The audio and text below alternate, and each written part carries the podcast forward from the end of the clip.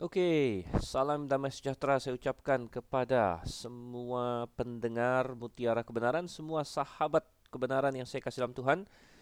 Bagaimana kabar Anda semuanya? Saya harap dan saya doakan semuanya dalam kondisi yang baik, secara rohani terutama, namun juga secara fisik, secara kesehatan saya harap semuanya dalam kondisi yang baik dan pada hari ini, hari yang indah, saya merekamnya pagi-pagi, kira-kira sekitar jam 9 lewat saya merekamnya. Dan hari ini agak mendung namun uh, tetap tetap cerah, cukup cerah saya lihat dan mengucap syukur uh, baik mendung maupun matahari terik masing-masing ada ada indahnya ya karena ini adalah hari yang Tuhan ciptakan dan kita menjalani hidup ini sehari demi sehari bersama dengan Tuhan. Kita adalah musafir-musafir di dunia ini. Dunia ini bukan rumah kita yang sesungguhnya sesuai dengan firman Tuhan kalau kita benar-benar sudah memiliki sorga sebagai jaminan kita di dalam kasih karunia Yesus Kristus. Oke, segenap pendengar mutiara kebenaran sekalian, kita hari ini akan berlanjut ke pembahasan kita yang selanjutnya, yaitu ulangan pasalnya yang ke-23. Ulangan pasal yang ke-23 tidak terasa juga kita sudah mulai memasuki ya belum akhir sekali namun bagian-bagian yang belakangan dari kitab ulangan ini. Jadi total nanti ada 34 pasal walaupun nanti pasal 34 sangat pendek kemungkinan akan kita gabungkan dengan pasal 33 nantinya. Dan pasal 23 ada 25 ayat. Mari kita membuka Alkitab kita bersama. Ada 25 ayat yang akan kita bahas. Tentunya akan kita korelasikan dengan berbagai ayat-ayat firman Tuhan yang lain di dalam Alkitab. Karena kita walaupun membahas satu pasal namun kita melihatnya secara alkitabiah ya dari konteks keseluruhan Alkitab. Oke. Dan sebelum kita mulai saya harap Anda bisa mencari sebuah Alkitab untuk membahasnya, membacanya bersama dengan saya. Dan sebelum kita mulai, kita akan berdoa terlebih dahulu. Mari kita bersatu dalam doa. Bapak yang di surga, kami mengucap syukur Tuhan untuk kesetiaanmu, untuk kasih setiamu yang sungguh indah. Tuhan, Engkau adalah Allah yang baik, terutama Tuhan, orang-orang yang telah mengenal Engkau, mengasihi Engkau, Engkau baik kepada kami karena Engkau berkata bahwa kami yang jahat saja tahu memberikan hal-hal yang baik kepada anak-anak kami, apalagi Bapa di sorga. Dan Tuhan, Engkau berkata bahwa pastilah Engkau akan memberikan roh kudusmu kepada mereka yang meminta. Tuhan kami yang sudah diselamatkan, kami sudah dimeteraikan oleh roh kudus. Dan kami meminta supaya roh kudus sebagai pribadi Allah yang mendiami kami. Dialah yang akan menerangi hati dan pikiran kami supaya kami dapat memahami firman-Mu dengan sebaik-baiknya. Terima kasih Tuhan. Kami berdoa dengan penuh keyakinan bahwa Engkau menjawab kami. Kami berdoa dalam nama Yesus Kristus. Amin. Ulangan pasalnya yang ke-23 kita baca dulu ayat 1 sampai dengan ayat yang ke-8. Oke, saya akan mulai. Silakan diikutin. Orang yang hancur buah pelirnya atau yang terpotong kemaluannya, janganlah masuk jemaah Tuhan. Seorang anak haram janganlah masuk jemaah Tuhan, bahkan keturunannya yang ke-10 pun tidak boleh masuk jemaah Tuhan. Seorang Amon atau seorang Moab janganlah masuk jemaah Tuhan, bahkan keturunannya yang ke-10 pun tidak boleh masuk jemaah Tuhan sampai selama-lamanya karena mereka tidak menyongsong kamu dengan roti dan air pada waktu perjalananmu keluar dari Mesir, dan karena mereka mengupah Bileam bin Beor dari Petor di Aram Mesopotamia melawan kau supaya dikutukinya engkau. Tetapi Tuhan Allahmu tidak mau mendengarkan Bileam dan Tuhan Allahmu telah mengubah kutuk itu menjadi berkat bagimu karena Tuhan Allahmu mengasihi engkau. Selama engkau hidup, janganlah engkau mengikhtiarkan kesejahteraan dan kebahagiaan mereka sampai selama-lamanya. Janganlah engkau menganggap keji orang Edom sebab dia saudaramu. Janganlah engkau menganggap keji orang Mesir sebab engkau pun dahulu adalah orang asing di negerinya. Anak-anak yang lahir bagi mereka dalam keturunan yang ketiga boleh masuk jemaah Tuhan. Oke, jadi ada satu peraturan di sini yang uh, cukup menarik Dan kadang-kadang ya bisa membuat para pelajar Alkitab cukup bingung juga. Namun kita akan mencoba untuk membahasnya dengan sebaik-baiknya dan sebisa kita ya. Oke, pertama ayat pertama atau atau kita observasi dulu bahwa ini adalah berkaitan dengan siapa yang boleh masuk jemaah Tuhan atau tidak. Dan nanti kita akan bahas sebentar lagi apa itu mak maksudnya masuk dalam jemaah Tuhan.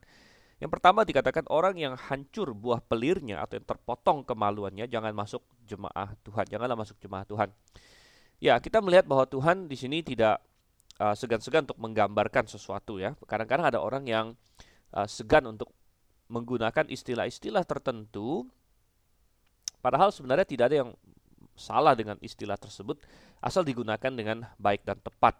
Jadi uh, karena Tuhan yang menciptakan tubuh manusia, Tuhan tentu tidak usah malu-malu untuk menggambarkan uh, tubuh manusia itu. Ya misalnya buah pelir, ya buah pelir itu apa? Buah pelir itu uh, kalau dalam bahasa medis adalah uh, testis atau buah zakar gitu ya. Jadi ini adalah bagian dari uh, organ kemaluan laki-laki ya, di bawah penis itu ada buah zakar namanya testis dan secara kedokteran itu adalah tempat di mana sperma dihasilkan atau pabrik sperma tentunya.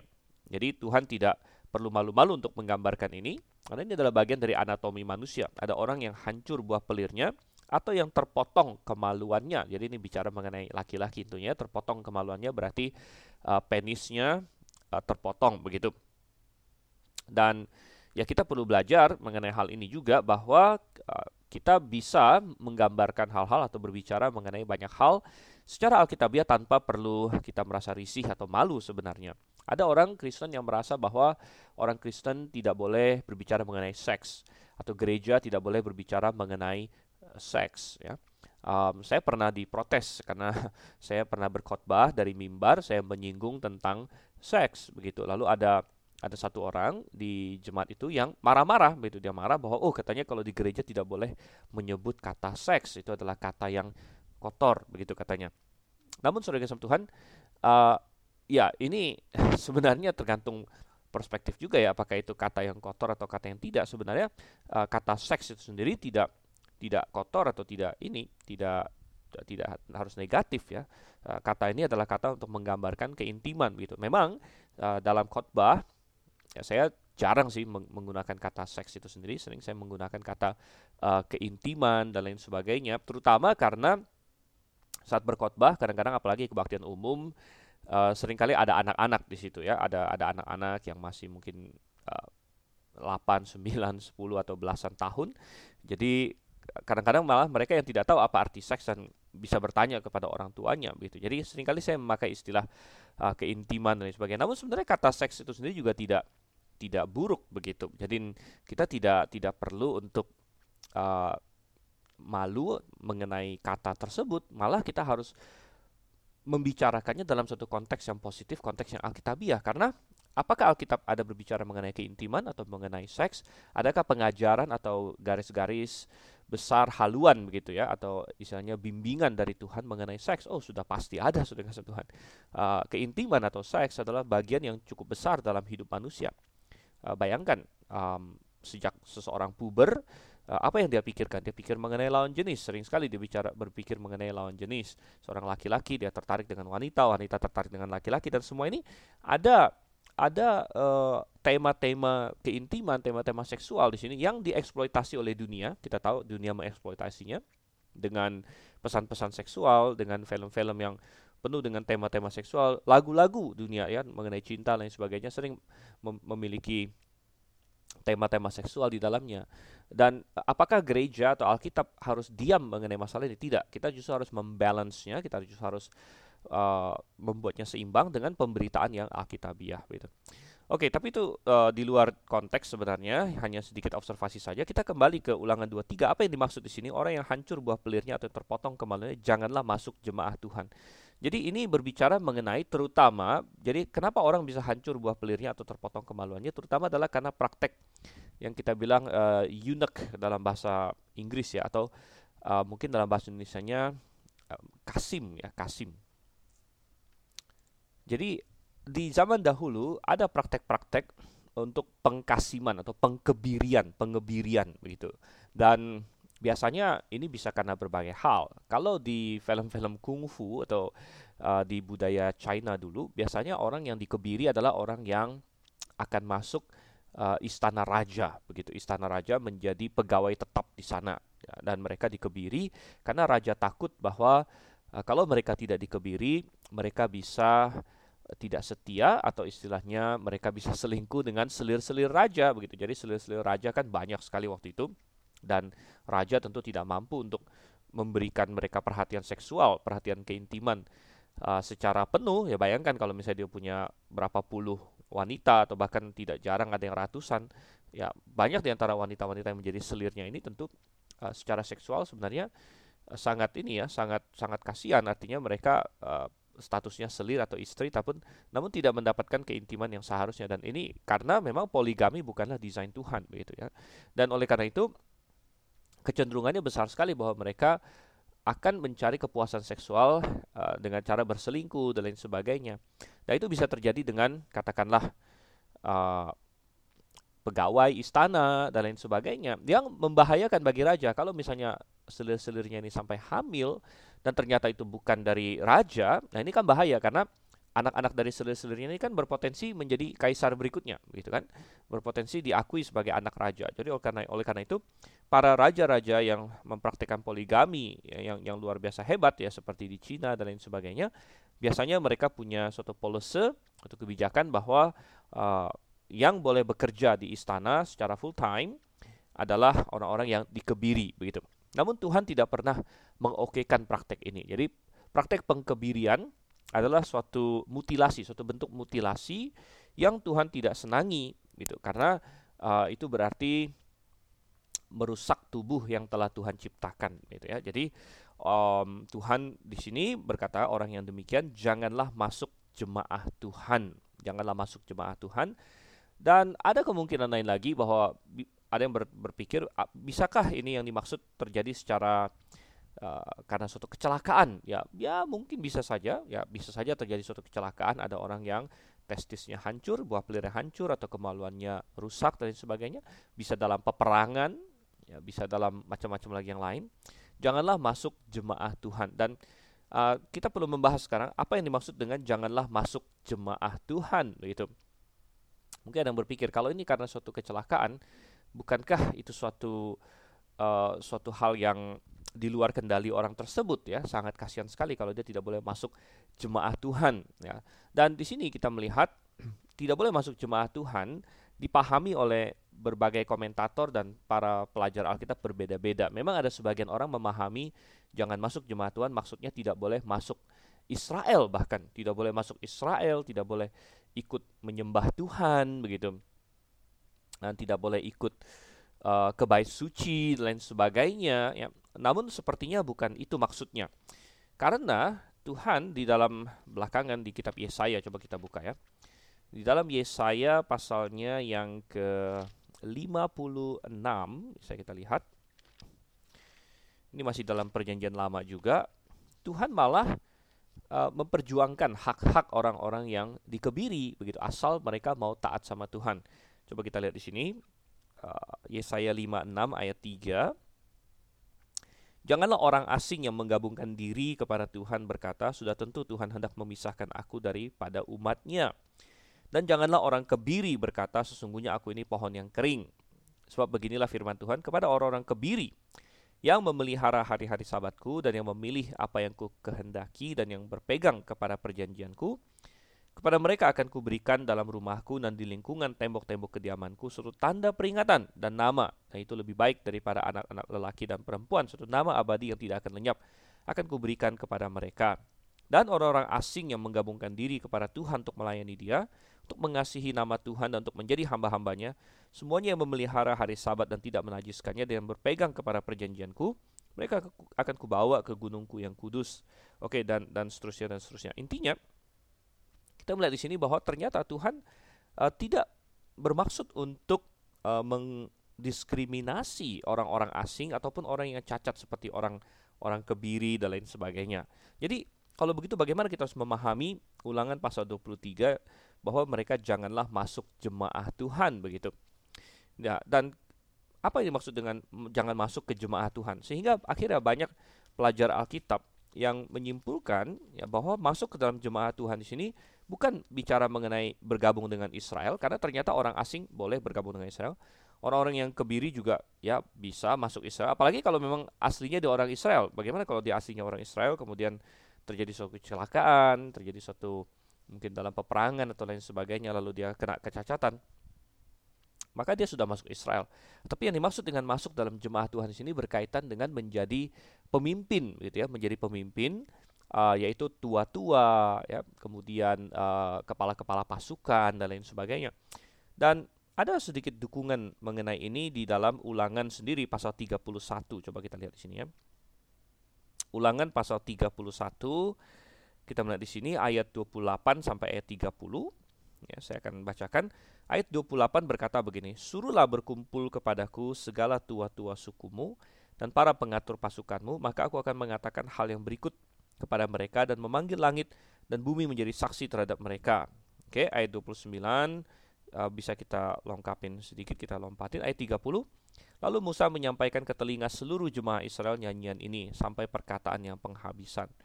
Oke, jadi ayat 28 Musa menyuruh berkumpul semua tua-tua suku pengatur pasukan. Kemudian ayat 30 dikatakan Musa menyampaikan ke telinga seluruh jemaah Israel. Tapi sepertinya Musa menyampaikan ke telinga seluruh jemaah Israel di sini uh, melalui perantara begitu, melalui perantara yaitu di ayat 28 semua tua-tua suku dan pengatur pasukan yang yang disuruh berkumpul itu. Jadi mereka ini bertindak mewakili jemaah Israel, gitu, mewakili jemaah Tuhan.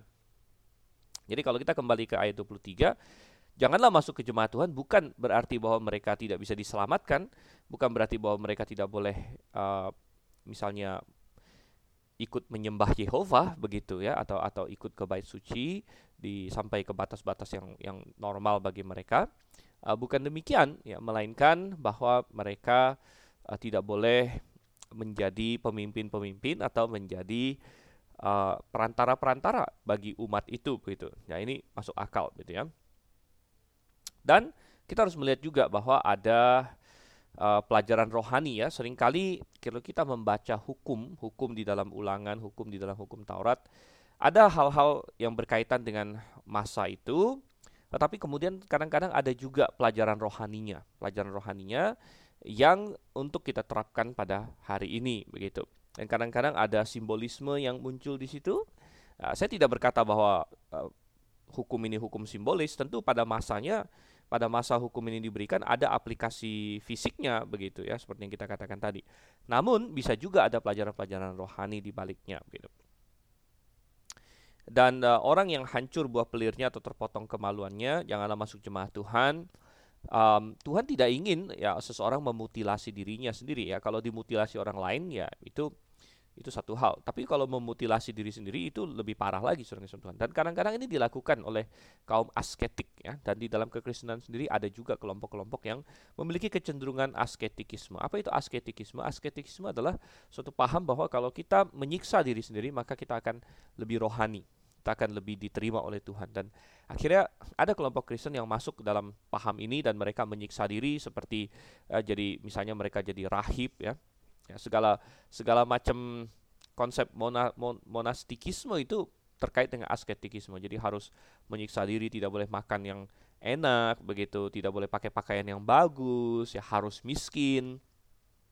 Dan kadang-kadang ada yang lebih parah lagi, harus menyiksa diri ya. Di zaman-zaman abad pertengahan ada cukup banyak yang mencambuk diri sendiri. Jadi self flagellation namanya ya. Mereka mencambuk diri sendiri sampai berdarah-berdarah karena mereka merasa bahwa mereka harus melakukan itu untuk untuk uh, uh, untuk lebih rohani, untuk mematikan tubuh dan lain sebagainya. Itu semua adalah konsep yang salah gitu ya. Bahkan ada yang memutilasi diri dan lain sebagainya. Ini adalah konsep-konsep penyembahan berhala bahkan. Kalau kita masih ingat ketika Elia bertempur dengan nabi-nabi Baal, uh, nabi-nabi Baal itu demi katanya mau memanggil dewa mereka sampai menyayat-nyayat diri dan lain sebagainya. Dan jangan sampai ada orang Kristen yang berpikir dia bisa memutilasi diri ya seperti kebiri lah lain sebagainya uh, untuk mendapatkan katakanlah suatu kerohanian. Itu adalah suatu konsep yang sangat salah sekali. Ayat 2, seorang anak haram janganlah masuk jemaah Tuhan. bahkan keturunannya yang ke-10 pun tidak boleh masuk jemaah Tuhan. Ya, sekali lagi kita harus pahami jemaah Tuhan di sini bukan bicara mengenai keselamatan ya. Tuhan bukan berkata anak haram tidak bisa diselamatkan atau tidak bisa tidak boleh tidak boleh menyembah Tuhan dan sebagainya. Uh, boleh. Dan definisi anak haram sendiri diperdebatkan oleh para para uh, ini para komentator Yahudi mereka memperdebatkan anak haram ini maksudnya apa? Ada yang berkata bahwa anak haram di sini anak yang orang tuanya tidak jelas siapa ya katakanlah uh, misalnya seorang pelacur misalnya ya seorang pelacur dia dia punya banyak klien dan uh, dia melahirkan dia tidak jelas bapaknya siapa waktu itu belum ada tes DNA gitu ya. Untuk mencari tahu wah bapaknya yang mana begitu. Uh, jadi seorang anak yang tidak diketahui ininya uh, jadi ini bukan bicara mengenai uh, anak ini selir, anak gundik ya, karena di dalam Alkitab ada cukup banyak anak gundik yang akhirnya hebat ya. Salah satunya misalnya salah satu hakim ya Yefta, uh, walaupun dia adalah anak anak dari gundik begitu, namun akhirnya dia menjadi seorang pemimpin. Jadi bukan bicara mengenai itu. Nah, um, tentunya uh, peraturan seperti ini dimaksudkan supaya orang Israel tidak main-main uh, masalah kesucian seksual begitu. Jadi memiliki anak di luar pernikahan apalagi yang nanti tidak jelas orang tuanya siapa tidak jelas bapaknya siapa biasa kalau ibunya siapa itu jelas karena ya dia pasti lahir dari seorang wanita kan wanita yang melahirkan itulah ibunya yang sering kali tidak jelas adalah bapaknya begitu dan uh, Tuhan memaksudkan hukum ini untuk uh, memberitahu bahwa eh jangan main-main gitu. Jangan main-main. Mungkin kita berkata loh ini kan bukan salah anaknya begitu ya. Memang benar sih bukan salah anaknya. Ya tetapi Tuhan ingin uh, makanya ini kita bicara ini bukan masalah keselamatan ya. Ini bukan masalah bahwa dia boleh menyembah Tuhan dan lain sebagainya. Itu boleh itu tetap diperbolehkan. Tetapi bahwa dia tidak um, tidak apa ya karena begini kalau bapaknya tidak diketahui maka secara sosial dia juga sulit begitu secara sosial dia sulit artinya Israel itu kan uh, kesukuan kesukuan jadi dia dari suku mana Ya, jadi milik pusakanya itu nanti yang mana dan lain sebagainya. Nah, nanti nanti repot begitu. Tidak jelas nih bapaknya siapa begitu kan. Apalagi kalau dengan e, bangsa lain misalnya. Kalau bapaknya dari bangsa lain yang tidak jelas lagi siapa begitu. Nah, jadi um, dia tidak menjadi seorang pemimpin di Israel lah begitu. Itu yang Tuhan maksudkan. Nah, secara rohani uh, atau simbolismenya kita melihat bahwa uh, Tuhan secara rohani kita ini disebut anak-anak Tuhan. Dan Tuhan tidak ada anak haram gitu. Tuhan yang Tuhan punya adalah anak yang benar ya. Sekali lagi Tuhan sendiri tidak pernah punya anak haram begitu. Uh, kita semua adalah anak Tuhan yang dilahirkan melalui roh. Ingat bahwa Tuhan Yesus pernah berkata kepada Nikodemus, ya, Nikodemus kan seorang Farisi waktu itu yang yang sangat terkenal seorang rabi, tapi Tuhan berkata kepadanya, kecuali kamu dilahirkan kembali, kamu tidak bisa melihat kerajaan Allah gitu. Jadi Nikodemus harus lahir kembali lagi, lahir kembali dengan benar dengan kuasa Tuhan melalui Roh Kudus gitu, melalui keselamatan dan ketika seseorang lahir baru, dia di, diselamatkan, dia percaya kepada Yesus Kristus, dia menjadi anak Allah yang benar-benar anak begitu. Dan kita semua ini anak yang benar-benar anak. Dan kita bukan anak haram, Tuhan tidak punya anak haram dan uh, di Ibrani ya ditegaskan juga bahwa untuk anak-anak yang anak-anak Tuhan seperti kita ini Tuhan pasti mendisiplin kita ketika kita bersalah gitu. Jadi ini uh, suatu ini juga suatu peringatan juga ya kalau uh, makanya Tuhan bilang semua anak pasti uh, didisiplin oleh bapaknya kecuali anak-anak gampang katanya. Anak-anak gampang jadi anak-anak yang nggak jelas nih begitu. Nah, itu tidak mungkin dia tidak punya bapak untuk untuk mendisiplinkan dia dan sebagainya. Nah, tapi kita melihat di sini bahwa Tuhan tidak punya anak haram gitu ya. Kalau kita mau menjadi anak Tuhan, maka itu harus melalui kelahiran kembali. Kalau kita hanya pura-pura, misalnya kita kita ke gereja, kita melayani, kita uh, ikut paduan suara, tapi kita belum pernah diselamatkan. Ya, maka kita kayak pengen pengen jadi anak Tuhan tapi belum pernah lahir dari Tuhan gitu. Jadi kita bukan anak Tuhan sebenarnya. Mungkin ini mendekati konsep anak haram tadi ya, tapi sebenarnya Tuhan tidak punya anak haram gitu. Tapi pertanyaannya bagi setiap pendengar sekalian adalah apakah Anda sudah dilahirkan kembali melalui Roh Kudus karena Anda sungguh-sungguh sudah percaya kepada Yesus Kristus dan bertobat? Atau jangan-jangan Anda sama ini dalam tanda kutip anak haram itu tadi yang sebenarnya Tuhan tidak punya anak haram gitu. Bahwa Anda belum pernah lahir baru namun Anda mencoba untuk mengikuti suatu keagamaan, suatu kerohanian. Anda mencoba, wah terlihat rohani karena Anda pergi ke gereja, Anda menjadi anggota jemaat, Anda uh, ikut pelayanan ini dan itu. Namun belum pernah dilahirkan kembali. Nah, itu percuma sebenarnya. Anda belum anak Allah gitu. Oke, lanjut lagi ayat 3. Seorang Amon atau seorang Moab janganlah masuk jemaah Tuhan. Bahkan keturunannya yang ke-10 pun tidak boleh masuk jemaah Tuhan sampai selama-lamanya. Oke, Amon dan Moab di sini ya. Uh, Amon dan Moab penuh dengan um, penyembahan berhala pada waktu itu dan Tuhan juga bilang jangan masuk jemaah Tuhan. Yang menarik adalah bahwa Ruth adalah seorang wanita Moab begitu. Tapi akhirnya dia masuk Israel. Jadi kita bisa memahami bahwa ini bukan bicara mengenai masuk Israel seperti yang tadi kita katakan. Tapi berbicara mengenai menjadi menjadi pemimpin atau lain sebagainya. Dan uh, biasanya ini berkaitan dengan laki-laki ya. Ya, karena laki-laki yang dihitung. Sedangkan kalau Ruth Ruth kan perempuan. Dan perempuan waktu itu statusnya adalah mengikuti bapaknya dan mengikuti suaminya. Dan ketika Ruth menikah, status dia sebenarnya sudah ikut dengan ikut dengan suaminya begitu.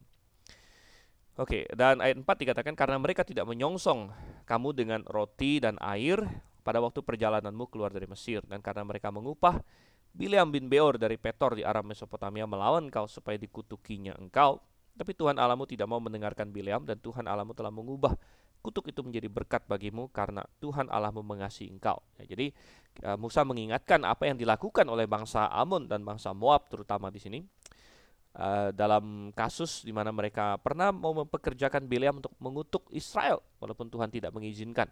Namun kita belajar belakangan bahwa Bileam karena cinta akan uang Ya, makanya akhirnya Bileam Tuhan marahin juga dan uh, Bileam menjadi contoh di dalam perjanjian baru di kitab Yudas disebut ya ada jalannya Bileam upahnya Biliam dan lain sebagainya.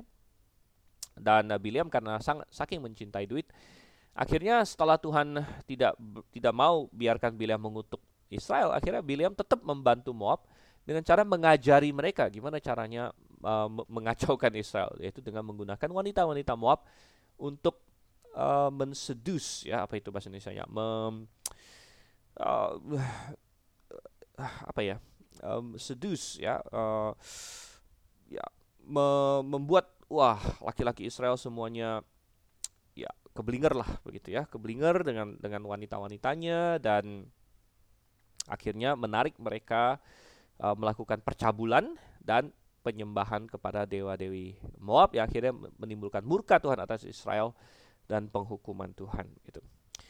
Oke, okay, dan um, itu adalah Amon dan Moab begitu ya. Amon dan Moab ya, penyembahan berhala di situ dan ini menggambarkan serangan iblis ya serangan iblis kepada kepada orang orang ini orang Israel orang percaya di sini. Ayat 6 selama engkau hidup janganlah engkau mengikhtiarkan kesejahteraan dan kebahagiaan mereka sampai selama-lamanya. Ya ini terlihat keras ya namun sekali lagi uh, sesuatu serangan iblis ya orang Kristen tidak pernah boleh main-main dengan serangan iblis serangan-serangan okultik dan lain sebagainya itu harus jauh dari kita Sebaliknya kita lihat ayat 7 dan ayat 8 ya. Um, janganlah engkau menganggap keji orang Edom sebab dia saudaramu, janganlah engkau menganggap keji orang Mesir sebab engkau pun dahulu adalah orang asing di negerinya.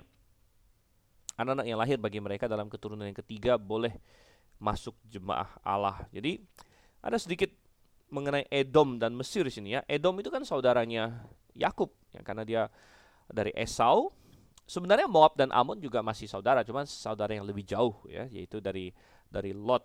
Ya. Tetapi di sini Moab dan Amon ya termasuk dalam serangan iblis secara secara simbolis. Oleh karena itu harus dijauhi. Tetapi Edom dalam sejarahnya waktu Israel uh, mau masuk Kanaan, Edom tidak menyerang mereka gitu. Jadi Edom mempersilahkan Israel untuk lewat daerah mereka bahkan Israel sangat sangat ini sangat baik, sangat hormat dengan mereka dan Musa bahkan membayar kalau mereka minum, mereka makan melalui daerah Edom, mereka bayar pakai uang semuanya. Oleh karena itu Tuhan berkata, e, jangan menganggap e, keji orang Edom sebab dia saudaramu.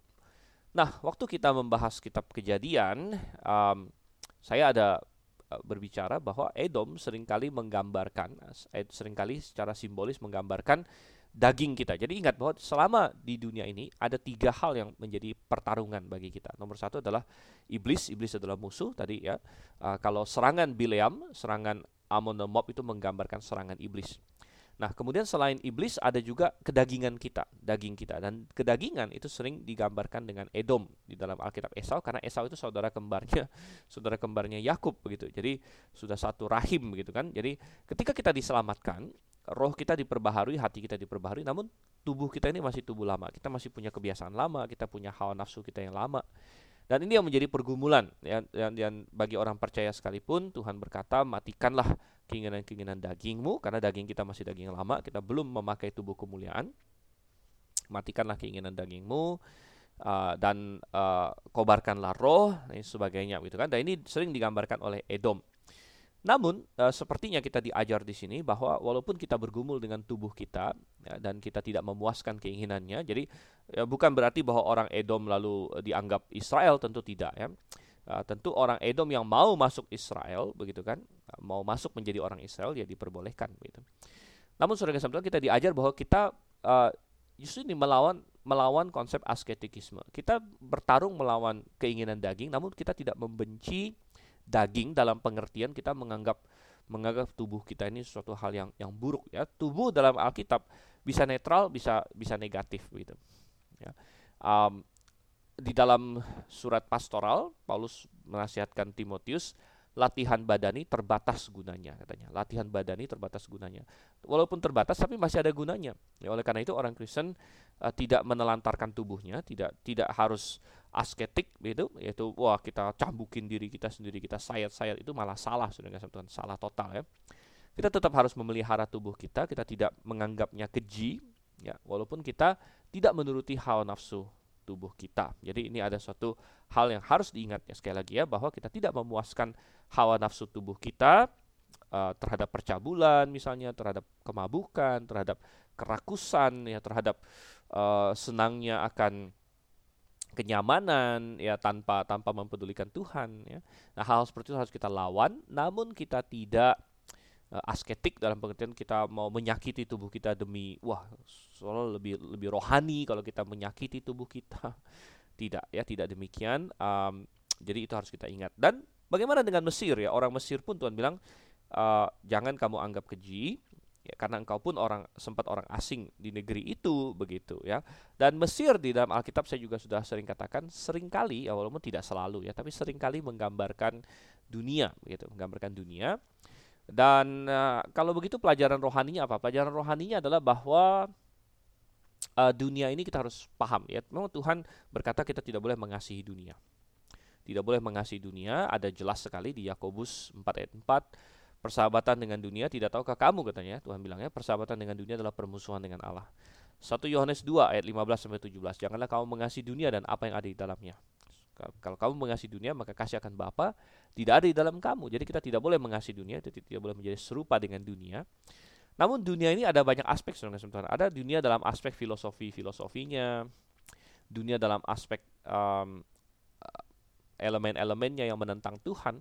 Namun dunia juga ada dalam bentuk dunia fisik dan lain sebagainya. Nah, kita tidak perlu uh, membenci hal-hal yang netral di dalam dunia ini. Ya tidak perlu membenci hal-hal yang netral. Tentu kita harus membenci hal-hal yang bertentangan dengan Tuhan. Misalnya ada filosofi LGBT hari ini. Ya kita harus membenci filosofi LGBT itu. Kita tidak membenci orang-orang LGBT-nya bukan itu ya. Tuhan mengasihi dunia kan ya Tuhan mengasihi orangnya kita juga perlu mengasihi kalau ada orang yang gay orang yang transgender kita harus mengasihi dengan memberitakan Injil Kristus kepada mereka namun kita harus membenci filosofi di baliknya membenci Uh, konsep-konsep satanik yang ada di balik itu. Kita harus membenci konsep-konsep apalagi banyak ya. Kita harus membenci konsep-konsep um, imoralitas di dunia ini. Ya, ya free sex dan sebagainya. Kita harus membenci konsep-konsep ketamakan di dunia ini dan lain sebagainya. Ya. Nah, jadi kita harus membenci itu. Namun apa dari dunia yang tidak perlu kita benci? Ya kita tidak perlu membenci misalnya keindahan dunia ini. Ya, wah kita artinya gini, kita di dunia ini kita musafir, namun Tuhan Tuhan telah uh, menciptakan kita supaya kita bisa hidup dengan dengan sukacita di dunia ini. Ya, jangan sampai orang Kristen terkesan sebagai orang yang tidak bisa ada sukacita di dunia ini. Tuhan berkata bersukacitalah, begitu. Jadi uh, kita harus bisa menikmati apa yang Tuhan izinkan kita nikmati. Ya, kalau ada makanan enak, nikmati saja saudara Tuhan. Salomo berkata dalam kitab pengkhotbah tidak ada yang lebih nikmat di dunia ini selain orang bisa makan dan minum uh, dan Tuhan kasih mereka kuasa untuk menikmati itu. Ya. Kalau kita pergi ke pantai yang indah, wah kita nikmati saja. Ke gunung yang indah kita nikmati saja begitu. Jadi jangan sampai kita seolah-olah, uh, waduh nggak boleh, saya nggak boleh menikmati dunia ini. Sekali lagi itu asketikisme. Kita tidak boleh menikmati dosa itu benar. Kita harus menjauh dari filosofi dunia ini yang yang bertentangan dengan Tuhan itu benar gitu ya. Namun kita uh, tetap uh, menjalani hidup ini dengan penuh sukacita dan kita menikmati apa yang Tuhan izinkan kita nikmati yang tidak bertentangan dengan Dia. Gitu. Jadi itu adalah hal yang indah yang uh, perlu kita ketahui. Gitu ya. Oke, baik. Mari kita sekarang lanjut lagi di ayat selanjutnya. Rupanya cukup lama juga ya kita di 8 ayat ini. Tapi kita lanjut lagi. Sekarang kita lihat ayat yang ke-9 sampai ayat 14, apabila engkau maju dengan tentaramu melawan musuhmu, maka haruslah engkau menjaga diri terhadap segala yang jahat. Apabila ada di antaramu seorang laki-laki yang tidak tahir, disebabkan oleh sesuatu yang terjadi atasnya pada malam hari, maka haruslah ia pergi keluar perkemahan, janganlah ia masuk ke dalam perkemahan. Kemudian menjelang senja haruslah ia mandi dengan air dan pada waktu matahari terbenam ia boleh masuk kembali ke dalam perkemahan. Di luar perkemahan itu haruslah ada bagimu suatu tempat ke mana engkau pergi untuk kada hajat di antara perlengkapanmu harus ada padamu sekop kecil, dan apabila engkau jongkok kada hajat, harus engkau menggali lubang dengan itu dan menimbuni kotoranmu.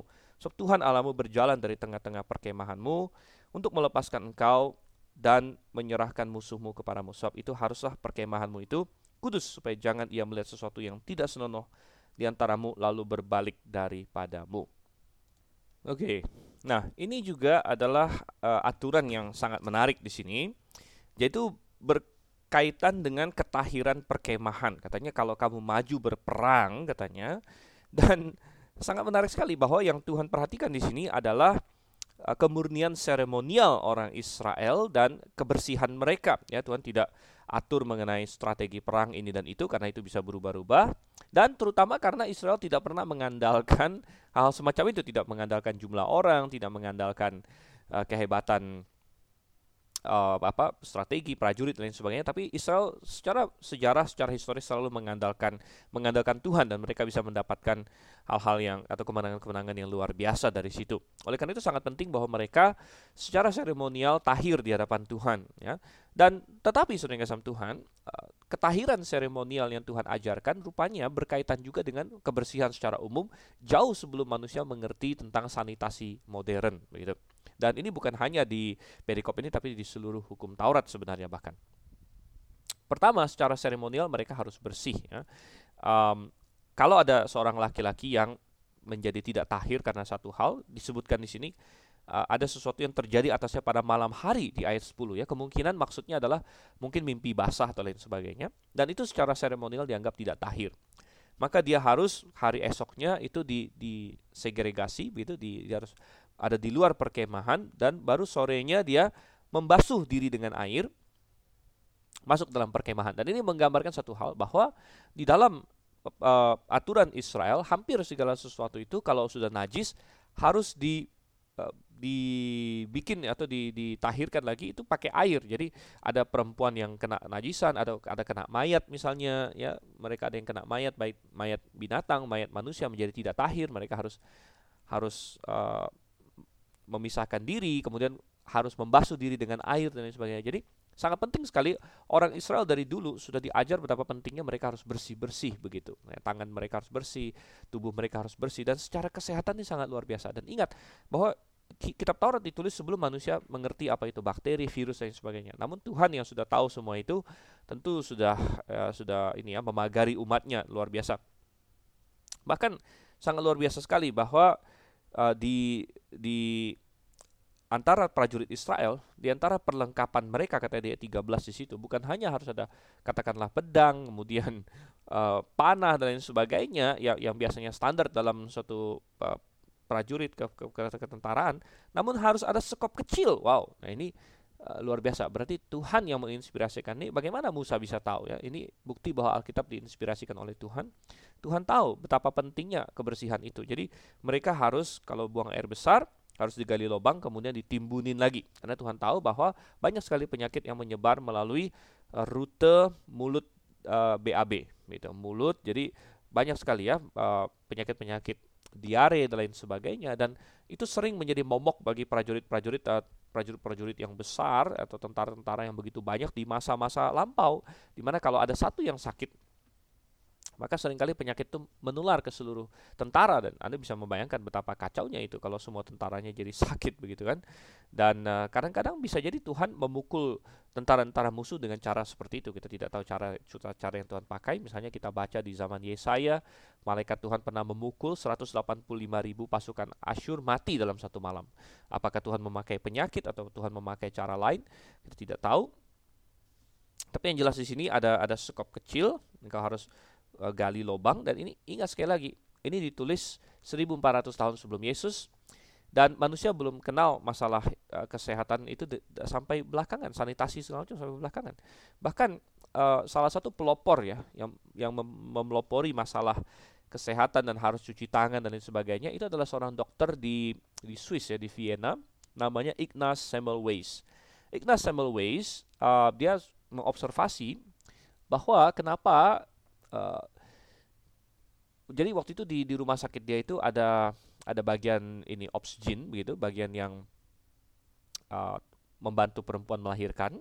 Dan dia mengobservasi kenapa perempuan-perempuan uh, yang dibantu melahirkan oleh dokter kok banyak yang anaknya dan ibunya mati lebih banyak persentasenya dibandingkan ibu-ibu uh, yang dibantu melahirkan oleh bidan gitu. Padahal dokter ini pengetahuannya kan lebih daripada bidan, lebih canggih daripada bidan dan lain sebagainya. Namun lebih banyak yang sakit dan dan mati di tangan dokter gitu. Dan akhirnya dia menghubungkan, rupanya adalah kebiasaan di rumah sakit mereka bahwa dokter-dokter pagi-paginya akan belajar anatomi dulu dan belajar anatomi waktu itu adalah dengan menggunakan mayat, mayat ya. Jadi mereka mencari mayat, kemudian mereka belajar anatomi, ya mayatnya dipegang-pegang dan sebagainya. Baru kemudian siangnya mereka menolong ibu-ibu yang mau melahirkan itu. Dan dia menghubungkan wah jangan-jangan karena pegang-pegang mayat. Sehingga Semmelweis waktu itu uh, membuat suatu kebijakan di rumah sakitnya bahwa uh, semua dokter harus cuci tangan ya. Setelah pegang pasien cuci tangan. Setelah ngapain cuci tangan. Dan waktu itu dianggap sebagai suatu hal yang menyebalkan gitu sehingga dokter-dokternya banyak yang protes kenapa harus sering-sering cuci tangan dan lain sebagainya. Nah, ya itu karena zaman itu belum ada suatu pemahaman tentang bakteri, tentang virus. Tetapi kalau misalnya mengikuti apa yang Alkitab katakan, cuci tangan dan membasuh diri dengan air itu sudah praktek yang dilakukan oleh orang Yahudi dari dulu ya. Karena ini salah satu bukti bahwa Alkitab adalah kitab yang diinspirasikan oleh Tuhan. Termasuk perikop yang kita baca tadi ulangan 23 bahwa mereka harus bawa sekop, mereka harus uh, keluar dari perkemahan, BAB di sana, ditimbunin dan sebagainya. Nah, ini semua membuktikan bahwa Alkitab ditulis oleh Allah yang Maha Tahu yang jauh lebih canggih bahkan uh, manusia pun baru tahu belakangan, baru 100-200 tahun belakangan manusia tahu tentang bakteri dan lain sebagainya. Oke, lanjut lagi ayat yang ke-15. Janganlah kau serahkan kepada tuannya seorang budak yang melarikan diri dari tuannya kepadamu. Bersama-sama engkau ia boleh tinggal di tengah-tengahmu di tempat yang dipilihnya di salah satu tempatmu yang dirasanya baik. Janganlah engkau menindas dia oke jadi um, ini biasanya mengacu kepada budak-budak orang asing ya yang lari. Ya karena kalau budak Israel mestinya tidak boleh ditindas begitu. kalau budak Israel ditindas wah tuannya harus dipermasalahkan. Ya karena ada banyak aturan dalam hukum Taurat mengenai uh, budak di Israel karena kita sudah pernah bahas juga perbudakan di Israel adalah mekanisme sebenarnya di mana seseorang mungkin dia jatuh miskin, mungkin dia uh, terlalu berani berbisnis, dia ambil resiko, dia dia gagal, dia harus menjual untuk ganti rugi lain sebagainya dan tidak cukup dan dia harus menjadi budak dan menjadi budak pun dibatasin di Israel ya maksimum tujuh tahun. Jadi pada tahun ketujuh itu dia harus bebas begitu. Uh, jadi dan banyak hak-hak budak-budak yang di, diatur. Jadi kalau dikatakan janganlah kau serahkan pada tuannya seorang budak yang melarikan diri dari tuannya, jadi konotasinya adalah ini adalah budak uh, dari bangsa lain ya, yang yang melarikan diri Uh, dan Tuhan bilang, oke okay, nggak apa-apa budak budak yang dianiaya harus kamu terima begitu karena dia adalah manusia dan mengingat Israel pernah menjadi budak yang ditindas di Mesir dulu. Jadi mereka harus punya suatu rasa empati di sini terhadap orang-orang yang uh, sepenanggungan dengan mereka pada waktu dulu gitu ya.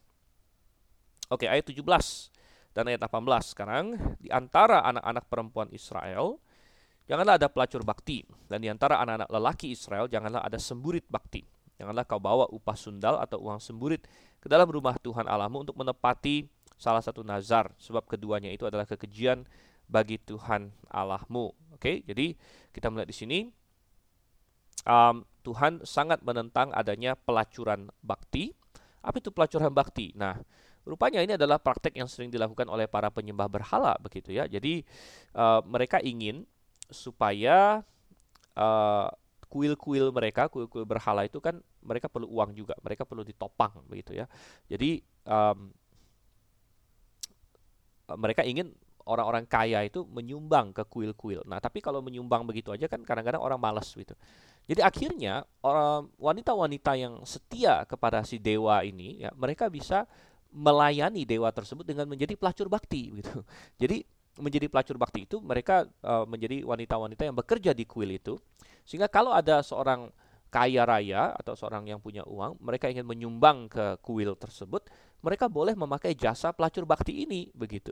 Uh, jadi itu untuk memotivasi lah, memotivasi orang untuk menyumbang ke kuil itu dengan menggunakan jasa pelacur bakti. Jadi pelacurnya tidak dibayar, tapi pelacurnya ini kayak menyumbang bayarannya itu kepada uh, kepada kuilnya begitu. Jadi ini adalah praktek yang sering terjadi di uh, di di penyembahan berhala dan ada versi wanita, ada versi laki-laki juga ya rupanya uh, homoseksualitas atau sodomi, praktik sodomi ada waktu itu. Dan Tuhan bilang, "Oh, tidak tidak boleh ya. Ini uh, ini konsep yang sangat bertentangan dengan apa yang Tuhan inginkan." Jadi uh, baik secara seksual, baik itu dalam konteks penyembahan berhala, ini semua bertentangan dengan apa yang Tuhan inginkan dan Tuhan tidak mau. Dan di Israel pernah ada saudara Tuhan. Kalau kita baca di sejarah Israel, Misalnya di zaman Raja Asa, satu Raja-Raja 15 ayat 12 kita baca satu Raja-Raja 15 ayat 12 bahwa Raja Asa menyingkirkan pelacuran bakti dari negeri itu ya karena Israel memang sepanjang sejarah mereka terpengaruh oleh berbagai bangsa-bangsa sekeliling mereka terpengaruh oleh praktek-praktek yang sebenarnya Tuhan sudah wanti-wanti mereka tidak boleh terpengaruh begitu ya. Demikian juga di zaman Raja Yosia ratusan tahun kemudian uh, di dua Raja-Raja 23 dua Raja-Raja 23 ayatnya yang uh, ketujuh ia merobohkan petak-petak pelacuran bakti yang ada di rumah Tuhan. Wow, jadi bahkan mereka membuat di bait suci pun ada pelacuran bakti. Wah, ini sangat bertentangan dengan Tuhan. Ya. Dan uh, Tuhan bilang jangan kau bawa upah sundal uang semburit ke dalam rumah Tuhan Allahmu. Ya, karena uh, Tuhan menentang praktek-praktek ini, jadi tidak dibenarkan tidak dibenarkan untuk melakukan praktek yang salah. Kemudian untuk mem, istilahnya mencuci rasa bersalahnya kita sumbang sama Tuhan gitu. Tidak tidak itu tidak benar gitu ya.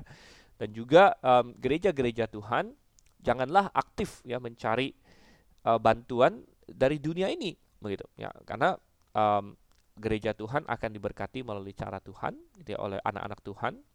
Memang sih kalau ada orang yang mau kasih sumbangan katakanlah orang agama lain ya kita terima-terima aja kita nggak perlu tanya ya. Karena itu adalah kebebasan Kristen.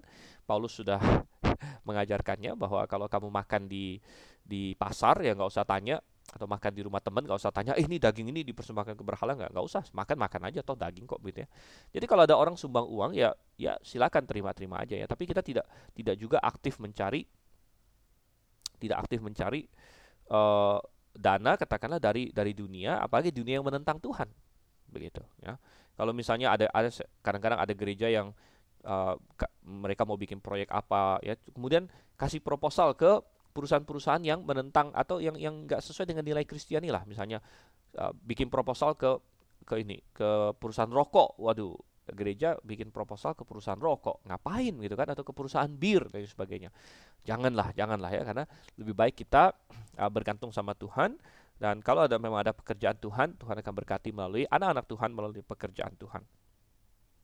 Oke kemudian kita lihat lagi ayat 19 sampai ayat 20 janganlah engkau membungakan kepada saudaramu baik uang maupun bahan makanan atau apa pun yang dapat dibungakan. Dari orang asing boleh engkau memungut bunga, tapi dari saudaramu janganlah engkau memungut bunga, supaya Tuhan Allahmu memberkati engkau dalam segala usahamu di negeri yang yang engkau masuki untuk mendudukinya. Oke, jadi orang Israel disuruh jangan membungakan kepada saudaranya. Tetapi sebenarnya ini harus dipahami dengan benar dalam konteks apa gitu ya. Alkitab tidak melarang bunga sama sekali uh, atau secara absolut begitu. Karena ada beberapa perikop lain yang berbicara positif mengenai bunga. Ya, misalnya Tuhan Yesus sendiri memberikan perumpamaan kan, misalnya di Matius di Injil uh, Matius pasal 25 bahwa Tuhan bagaikan bos yang kasih talenta sama sama anak-anak buahnya. Ada yang dikasih lima talenta, dikasih dua talenta, dikasih satu talenta. Lalu hamba yang dikasih satu talenta ini kan yang malas, dia tidak mau bekerja untuk tuannya, lalu tuannya marahin dia. Ya seharusnya kalau kamu sudah tahu aku ini, uh, aku ini akan menuntut, begitu kan? Ya seharusnya kamu kasih kepada orang yang menjalankan usaha supaya aku kembali, aku menerima kembali pokoknya beserta bunganya, kata Tuhan bilang, ya beserta bunganya di ayat 27 misalnya Matius 25 ayat 27. Jadi tidak ada masalah uh, konsep bunga dalam konteks bisnis gitu ya, tapi bunga dalam konteks tolong menolong, nah ini yang Tuhan bilang jangan. Dan kita tahu dari mana ini konteks tolong menolong. Kita kembali ke ulangan pasal 23. Karena ada eh, dikaitkan dengan makanan. Kalau makanan ini bukan bicara mengenai bisnis lagi, saudara yang Tuhan. Jadi dikatakan janganlah engkau membungakan para saudaramu baik bunga, baik baik uang maupun bahan makanan. Ya kalau kita bicara mengenai orang minta tolong makan sama kita, ini kita sudah bicara mengenai suatu kesusahan. Ini kita bicara mengenai tolong menolong. Dan kalau kita tolong menolong orang, ya nggak usah dibungakan. Ya ini ya Tuhan. Maksudnya kalau kita menolong orang, baiklah kita lakukan dengan dengan tulus hati ya. Di dalam khotbah di di Injil Tuhan berkata bahkan orang percaya jangan kita hanya mau memberikan uh, pinjaman kepada orang yang kita tahu kita akan terima kembali begitu. Atau kita akan dapat manfaat darinya ya. Karena orang berdosa pun melakukan itu. Tapi kalau kita uh, memberikan pinjaman kepada orang yang kita tidak mengharapkan kembali lagi atau kita bahkan ya balik oke okay, nggak balik oke okay, nggak usah pakai bunga dan sebagainya Ya, karena kita menolong dia, sifatnya menolong sebenarnya. Gitu. Jadi dengan demikian Tuhan ingin supaya orang Israel tolong menolong. Jangan ada yang nanti malah ujung-ujungnya wah bunga berbunga, bunga berbunga. Akhirnya bunganya bahkan lebih besar dari pokoknya. Nah ini yang sering dilakukan oleh praktik lintah darat dan lain sebagainya. Ya. Oke itu tidak boleh. Ayat 21 sekarang kita mulai di sini. Apabila engkau bernazar kepada Tuhan Allahmu janganlah engkau menunda-nunda memenuhinya, sebab tentulah Tuhan Allahmu akan menuntutnya daripadamu sehingga hal itu menjadi dosa bagimu. Tetapi apabila engkau tidak bernazar, maka hal itu bukan menjadi dosa bagimu. Apa yang keluar dari bibirmu haruslah kau lakukan dengan setia, sebab dengan sukarela kau nazarkan kepada Tuhan Allahmu sesuatu yang kau katakan dengan mulutmu sendiri. Oke, jadi ini mengenai suatu nazar, suatu sumpah kepada Tuhan. Tuhan bilang kalau kamu sudah bisa laksanakan, laksanakan. Ya berbohong sama manusia aja kita tidak boleh, apalagi kita membohongi Tuhan, gitu kan? Dan kadang-kadang ada orang yang salah konsep ya. Uh, kalau kita baca hukum tentang nazar itu kan ada di di imamat ya, kemudian di uh, di bagian lain lagi. Dan uh, di di bilangan dan lain sebagainya. Dan kalau kita membaca hukum tentang nazar, katanya orang yang bernazar itu kan tidak tidak mencukur rambutnya gitu. Sampai dia selesai menyelesaikan nazarnya baru dia cukur rambut. Nah, ini yang pernah dilakukan oleh Paulus juga. Akhirnya dia cukur rambut ya. Nah, sehingga banyak orang wah nazar kan rambut panjang. Jadi akhirnya ada orang yang membenarkan nah itu laki-laki rambut panjang itu berarti nazar. Padahal sebenarnya saudara kasih Tuhan tidak mencukur rambut selama bernazar itu di, dimaksudkan Tuhan untuk menjadi pengingat terus ya karena Tuhan berkata di 1 Korintus 11 bahwa rambut panjang itu ke, sesuatu yang memalukan bagi laki-laki ya.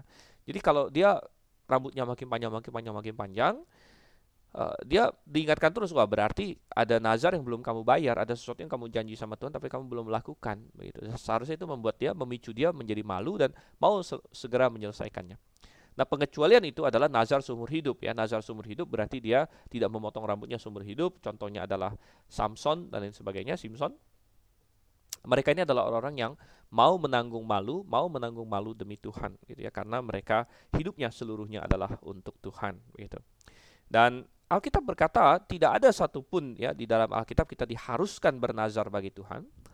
Tapi Tuhan bilang itu akan itu itu adalah kerelaan hatimu begitu ya.